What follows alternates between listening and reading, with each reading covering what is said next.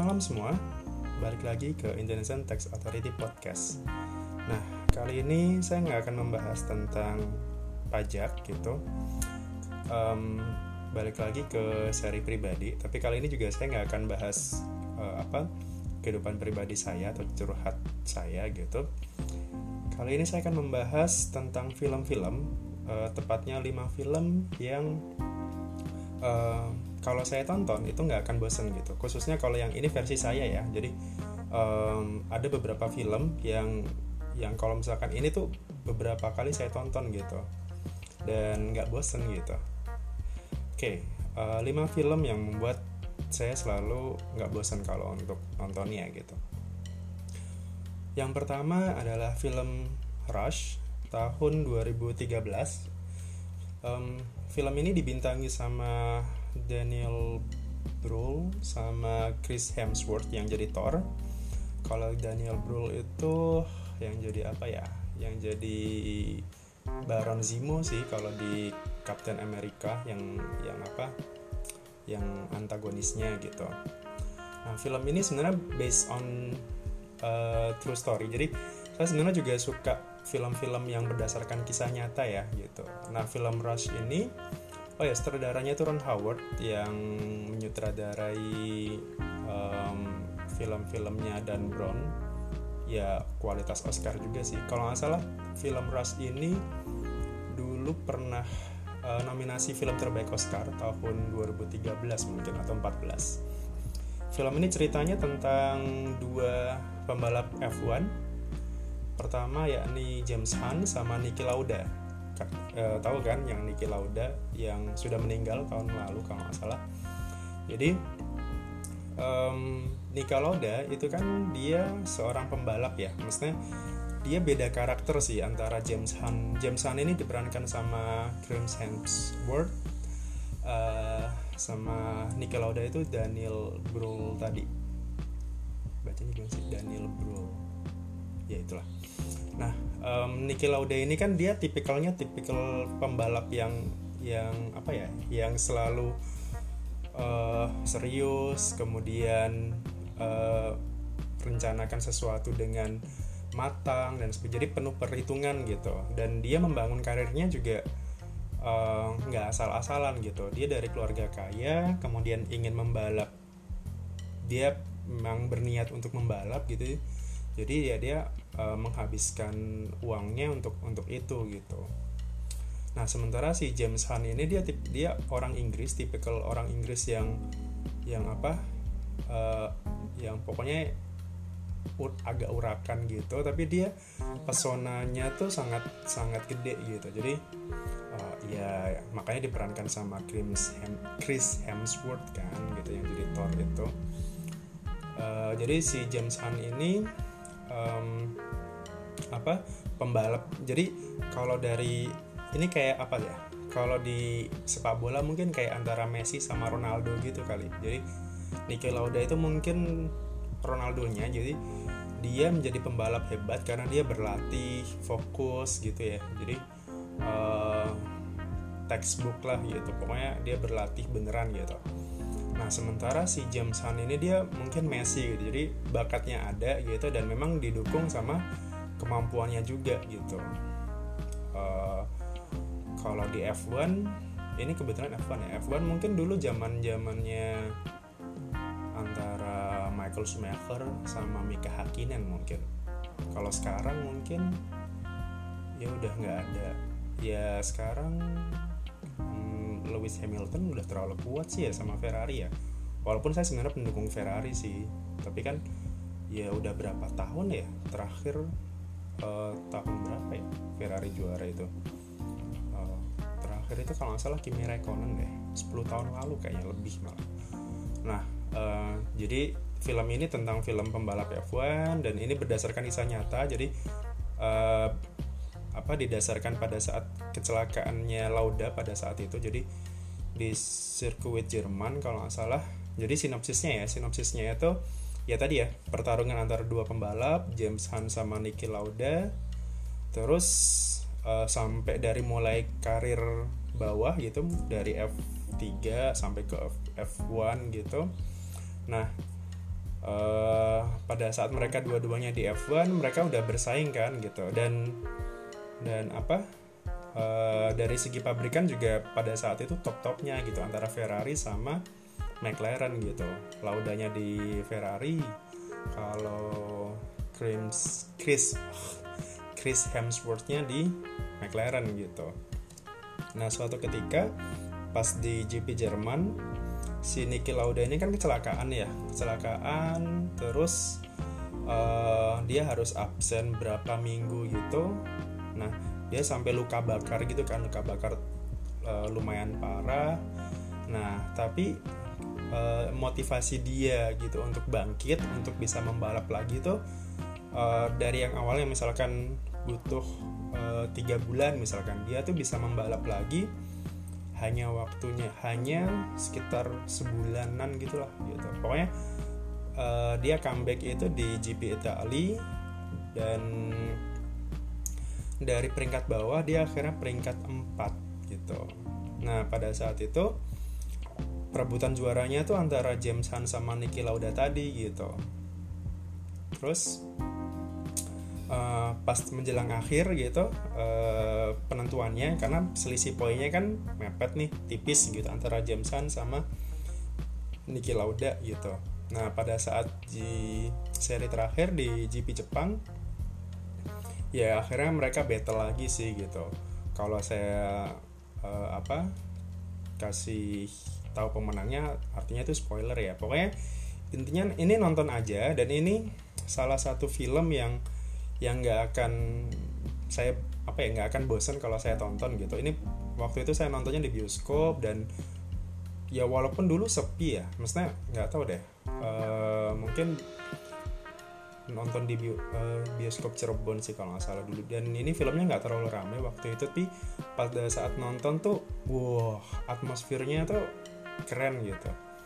Uh, apa suara suara mesin F1-nya itu kan gitu. Terus um, ceritanya juga bagus gitu. Ya wajar sih ini kan uh, nominasi film terbaik Oscar kan gitu jadi itu silahkan ditonton um, di saya nggak nggak ngerekomendasiin situs-situsnya ya karena ya itu silahkan cari sendirilah gitu. Mungkin di Netflix ada.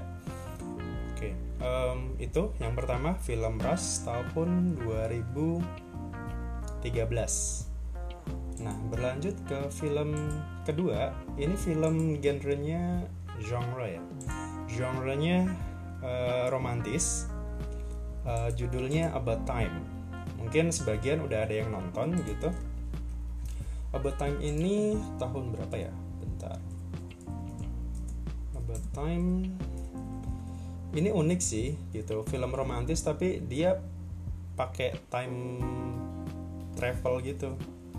Oh ya tahunnya sama juga. Tahun 2013 nah pemerannya tuh uh, yang cewek Rachel McAdam. Ini favorit saya sih kalau pemeran uh, Rachel McAdam. Ya kalau biasanya dia apa main di film-film romantis itu sih emang. Yang paling terkenal ya pada saat itu The Notebook sih. Bareng sama siapa itu? Yang cakep ya itu. Pak uh, Rachel McAdam. Sementara kalau yang cowoknya Dom Hell Gleason dia orang Inggris uh, logat logatnya kental banget. Dia film Inggris gitu sih British gitu. Nah film romantis ini tuh um, yang yang buat menarik bagi saya adalah dia tuh nggak nggak nggak kayak film romantis gitu ya. Maksudnya yang linear gitu. Dia alurnya tuh ya dia time travel kan gitu. Jadi ada jadi si pemeran cowoknya gitu diberitahu sama ayahnya waktu itu bahwa di keluarganya itu ada sebuah lemari yang jika dia masuk ke situ dia bisa kembali ke masa lalu gitu atau ke masa yang dia tuju gitu. Jadi uh, misalkan hari ini nih misalkan gitu. Nah terus uh, dia kemarin buat kesalahan gitu misalkan. Ya udah dia cukup masuk ke lemari kemudian balik ke masa itu ke kemarin kemudian kesalahannya itu diperbaiki gitu. Jadi nah ternyata uh, setelah itu setelah apa um, ditolak sama cewek gitu ditolak sama Margot Robbie waktu itu kalau nggak salah. Itu pertama kalinya saya ngeliat Margot Robbie dan itu emang udah wow gitu. Uh, maksudnya pesonanya Margot Robbie itu ya udah kelihatan gitu di film itu gitu. Walaupun itu belum apa belum jadi pemeran utama ya karena pemeran utamanya itu si Rachel McAdam tadi gitu. Terus um, nah ternyata pada saat mereka eh sorry si pemeran cowoknya ini kan pindah ya. Awalnya kan di di kayak pedesaan Inggris gitulah gitu. Nah sekarang dia pindah ke London gitu. Nah dia pindah ke London dia lemarinya otomatis dibawa kan gitu. Terus nah dia ketemu tuh sama cewek gitu Mac Adam uh, saya lupa nama pemerannya siapa. Uh, sebentar. Mac Adam itu Mary. Nah si Gleason itu namanya Tim. Nah si Tim ini kan dia ketemu ya gitu. Ketemu nggak sengaja gitu uh, di apa kayak kayak biro jodoh gitulah gitu kayak biro jodoh. Nah terus pada saat itu dia lupa gitu. Pas uh, ternyata cocok biro jodoh blind date gitu cocok ternyata mereka lupa gitu nggak ngasih nomor telepon gitu. Akhirnya uh, dia cuman tahu bahwa si Mary ini dia suka sama um, pemeran model gitulah model Kate Kate siapa ya? Uh, pokoknya dia ada pem, nah habis itu si tim ini ke pameran model tadi itu dia nunggu sampai berhari-hari sampai kemudian ketemu gitu. Ketemu sama Mary gitu terus uh, ya dia memanfaatkan apa memanfaatkan lemarinya tadi ya buat balik. Uh, awalnya tuh pada saat ketemu berikutnya tuh Mary udah punya pacar kemudian uh, dia nggak rela gitu kan. Akhirnya dia kembali ke masa sebelum si Mary ini pacaran gitu. Akhirnya ya mereka akhirnya pacaran kemudian menikah gitu. Sempet juga disebut si Mary ini pengen liburan ke Bali gitu. Cuman ya si timnya kan nggak mampu ya maksudnya ya janganlah ke Bali gitu ke Scotland aja gitu. Nah singkat cerita terus mereka yaitu mereka menikah. Nah ternyata ada aturan gitu di di lemari itu bahwa ketika ketika sebuah kelahiran datang maka kita nggak bisa kembali ke ke mana? Nggak bisa balik lagi ke masa um, yang contohnya gini deh di adegan itu ada di, mereka kan akhirnya menikah kemudian punya anak gitu kan gitu. Nah ketika anaknya lahir sementara kan bapaknya itu meninggal gitu.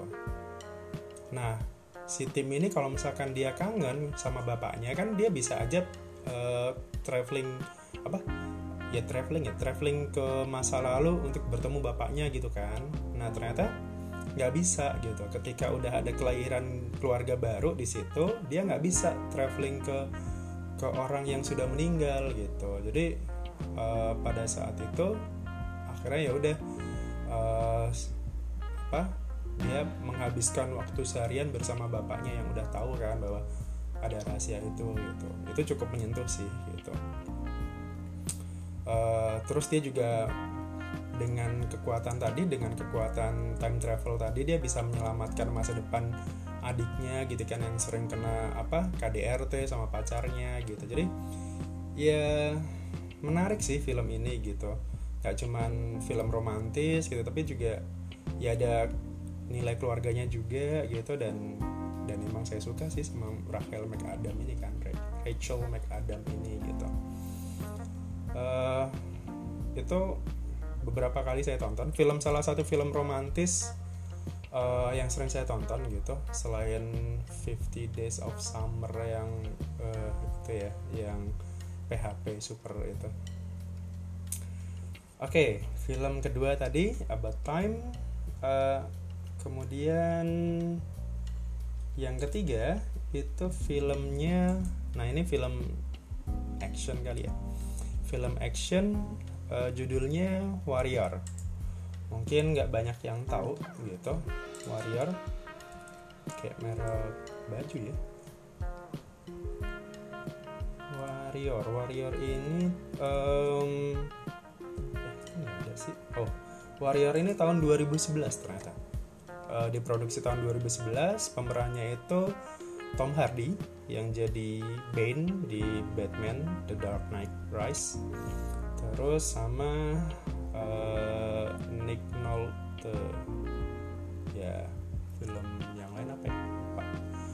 Ini tahun 2011 ini berkisah tentang sebenarnya mereka uh, bersaudara gitu bersaudara antara Tom Hardy sama wait pemeran nama di itunya Brandon sama Tommy ya. Jadi jadi si Tom Hardy ini sebagai Tommy si Joel Edgerton ini sebagai Brandon mereka bersaudara gitu.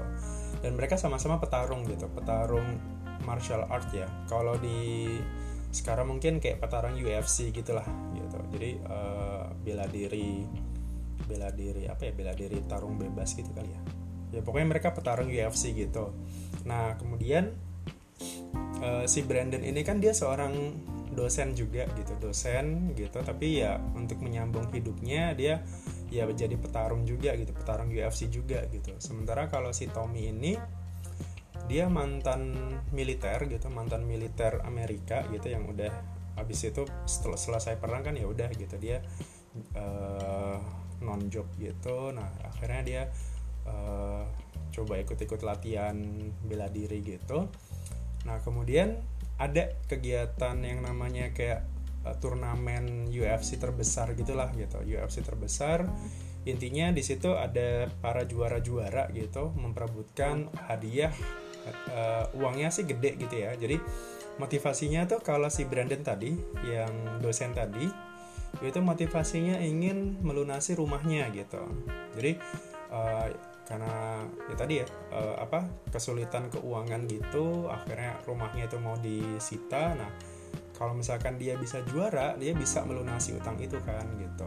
Nah sementara kalau si Tommy motivasinya dia ingin nyumbangin aja gitu hadiahnya gitu ke ke apa ke janda janda temennya gitu. Jadi uh, suaminya itu kan meninggal gitu ya waktu tugas gitu.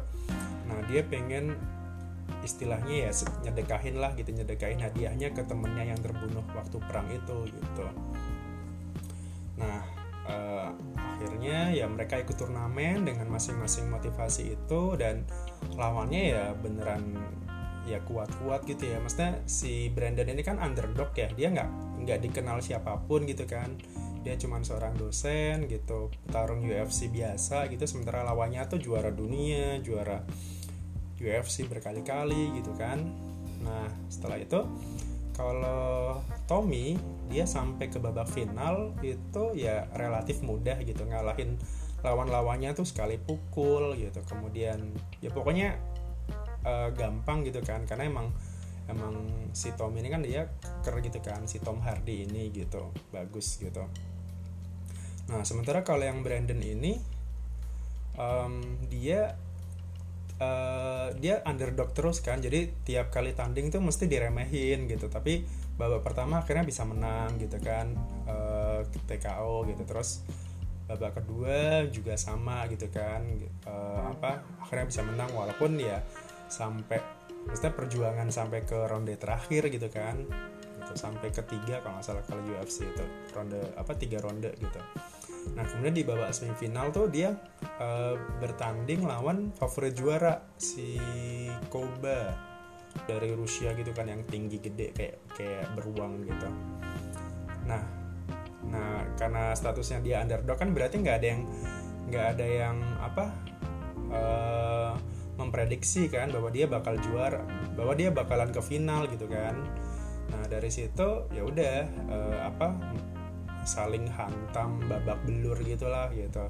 Nah akhirnya dia bisa membalikan prediksi itu semua kan. Jadi dia bisa masuk ke babak final ngalahin favorit juara dan akhirnya dia ketemu di finalnya itu ketemu sama Tommy gitu sama saudaranya sendiri gitu. Jadi ya bayangin aja gitu maksudnya kita tanding di final sebuah kejuaraan terus lawan kita tuh saudara kita gitu adik kita sendiri gitu. Sementara pertandingannya tuh bukan kayak apa sih pertandingan tenis atau pertandingan yang yang apa tapi ini tuh pertandingan uh, bela diri gitu pertandingan tinju pertandingan uh, apa ya saling pukul gitu kan. Jadi kayak ya kita ya aku harus ngalahin adik aku sendiri gitu buat ngelunasin rumah ini kan. Jadi motivasinya di situ gitu. Sementara kalau si Tommy ya dia sebagai unggulan kan karena dia relatif lebih mudah untuk ke final ini gitu. Jadi uh, itu film bagus banget gitu. Ratingnya juga tinggi kalau di IMDb um, apa? Ya intinya tonton aja sih gitu. Di situs-situs ini pasti ada lah gitu situs-situs streaming legal ya kalau bisa gitu. Uh, itu tahun 2011 dan beberapa kali saya tonton itu nggak nggak bosen-bosen gitu. Uh, bagus banget actingnya terus uh, koreografer apa pertarungannya juga relatif apa ya uh, walaupun kadang agak-agak shaky gitu kameranya tapi ya masih bisa dinikmati lah gitu. Kayak kita nonton UFC beneran gitu.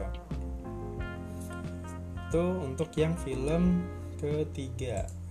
Nah film yang keempat ini mirip-mirip sih um, apa berdasarkan kisah nyata juga gitu. Tapi settingnya kalau yang warrior tadi itu kan uh, ini ya tentang petarung bebas gitu kan. Nah kalau the fighter ini dia tentang tinju. Pemerannya itu um, bentar. The Fighter itu tahun 2010 malah. 2010 udah 10 tahun yang lalu ya. Pemerannya ini keren-keren gitu. Ada Christian Bale terus ada Mark Wahlberg terus ada Amy Adams um, ya keren-keren lah. Terus nah uh, sinopsisnya si Mark Wahlberg ini Mark Wahlberg sama Christian Bale ya. Uh, itu kan mereka saudara petinju gitu. Uh, ini berdasarkan kisah nyata ya. Jadi si Mark Wahlberg berperan sebagai Mark Wahlberg lidah saya agak kaku sih kalau nyebut yang aneh-aneh gitu.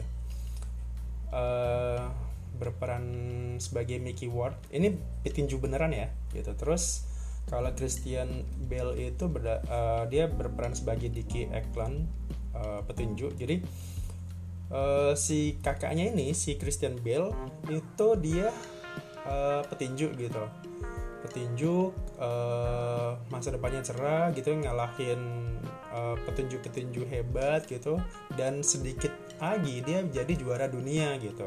Dia jadi juara dunia kelas ringan gitu mungkin. Yang jelas bukan kelas berat lah gitu. Uh, nah tapi kehidupannya tuh rusak gitu. Maksudnya uh, dia ya mabuk-mabukan, pakai drugs segala macam gitu. Karena dia ngerusak karirnya sendiri gitu yang awalnya dia bakal jadi petinju hebat, akhirnya malah nggak jadi apa-apa gitu, maksudnya. Uh, tapi dia tuh merasa kayak star syndrome gitu. Jadi uh, aku loh pernah ngalahin petinju ini gitu ya. Maksudnya aku loh udah pernah ngalahin juara dunia gitu kan. Jadi itu kayak ya apa orang yang selalu membicarakan sejarah gitu kan.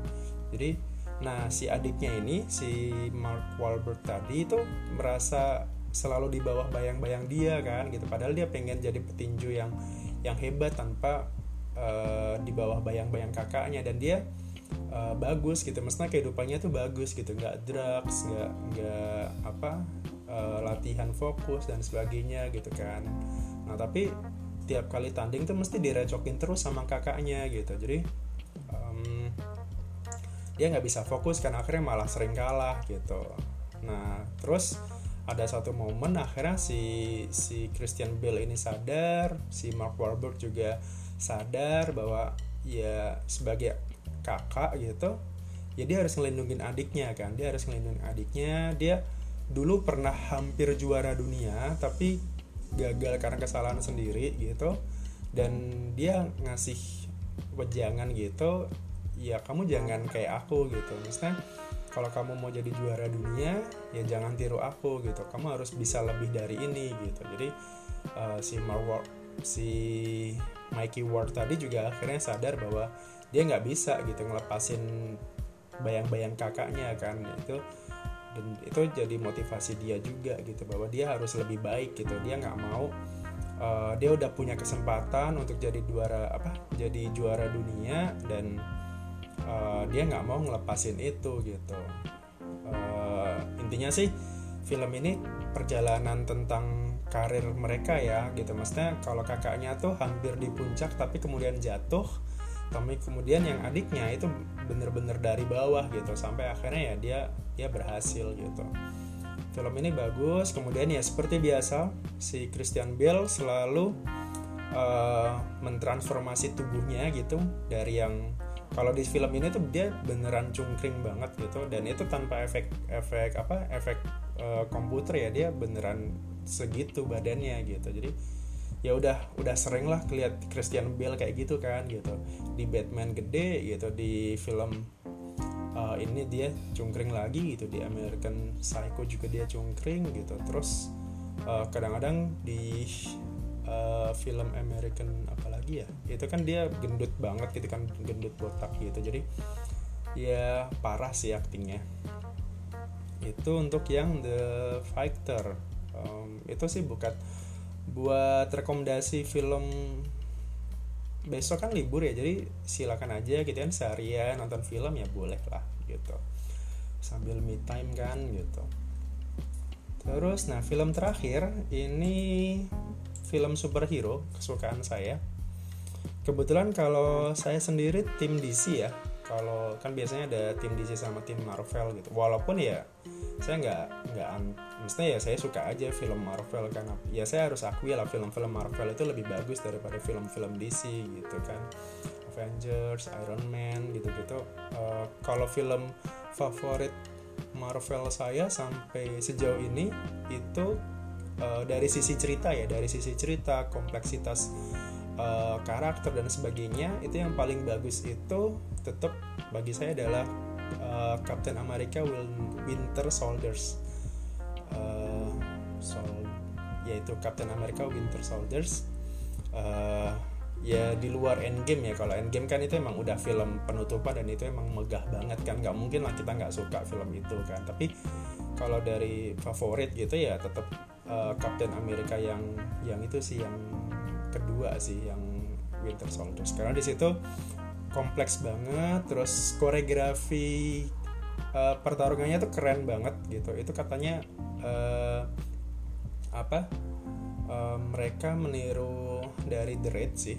Uh, jadi itu emang keren banget koreografi pertarungannya ceritanya juga kompleks nggak kayak film Marvel pada umumnya yang relatif ringan lucu gitu kan. Dan itu ada politiknya juga gitu. Jadi agak serius gitulah.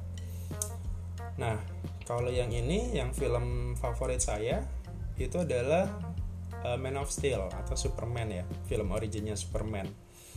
Itu bagi saya itu film film suci sih gitu. Film yang uh, film origin terbaik lah gitu. Bahkan kalau bagi saya film DC terbaik sih gitu. Film DC terbaik sejauh ini ya walaupun ada beberapa film uh, ya mungkin subjektif sih karena saya juga uh, apa idolanya kan Superman ya daripada Batman gitu. Ya walaupun uh, filmnya Nolan Batman versi Nolan itu emang bagus banget. Khususnya yang yang ini yang The Dark Knight kan itu emang ya itu nggak ada lawan sih gitu. Tapi bagi saya kalau film origin terbaik itu tetap Man of Steel sih Superman. Um, ceritanya dalam terus di situ kita ngelihat uh, Superman sebagai manusia gitu. Nah perbedaannya antara DC sama Marvel film-film DC sama Marvel itu kan kalau film apa Marvel itu kan biasanya manusia yang mempunyai kekuatan seperti uh, dewa gitu kan kuat banget gitu misalkan. Nah sementara kalau DC dia memanusiakan dewa gitu. Maksudnya kayak Superman gitulah dia kekuatannya kan luar biasa tapi dia ada sisi humanisme ada ada sisi manusianya gitu. Dan ini emang uh, ya sutradaranya Zack Snyder yang yang nyutradari X-Men apa Watchmen juga. Dan saya juga tim Snyder sih. Waktu Justice League itu kan itu film busuk banget dan uh, ini apaan sih gitu kan. Jadi uh, ya saya salah satu pendukung semoga Zack, versi Zack Snyder keluar sih. Walaupun itu nggak tahu ya uh, entah hoax atau apa gitu.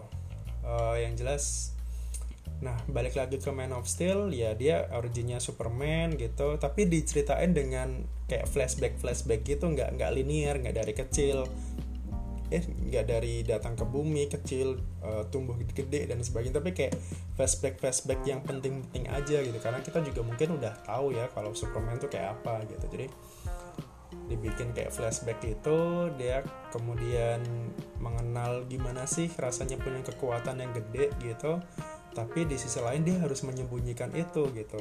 Kan nggak mungkin kan? Maksudnya kayak uh, nggak mungkin lah. Misalkan kita punya kekuatan segede itu kemudian kita ini loh aku orangnya gitu jadi kayak ya itu terlalu berbahaya lah bagi orang-orang sekitar juga gitu kan. Jadi terus lawannya juga seimbang gitu kan. General Zod uh, walaupun di situ di film itu akhirnya kan si Superman ini membunuh karakter ya membunuh General Zod yang walaupun sebenarnya kan salah satu apa kayak kode etiknya Superman itu kan dia nggak boleh membunuh lawannya kan dia nggak pernah membunuh lawannya gitu maksudnya secara langsung gitu. Jadi mungkin itu sih salah satu kritikan yang ada di film itu gitu. Tapi overall ini kalau bagi saya pribadi ini film bagus banget gitu terlepas dari subjektivitas saya.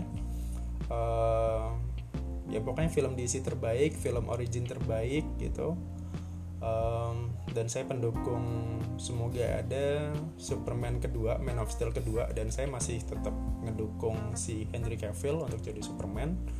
Itu udah cocok banget sih. Uh, walaupun kayak dibanding dengan Christopher Reeve yang Superman uh, aslinya gitu ya agak agak ini sih beda. Uh, walaupun wajahnya mirip ya tapi kayaknya lebih karismanya tuh lebih lebih ya itu Superman beneran sih kalau itu. Oke okay, paling itu aja 5 film rekomendasi saya gitu yang yang mungkin bisa ditonton uh, ini film-film lama ya kalau film-film baru sih ya.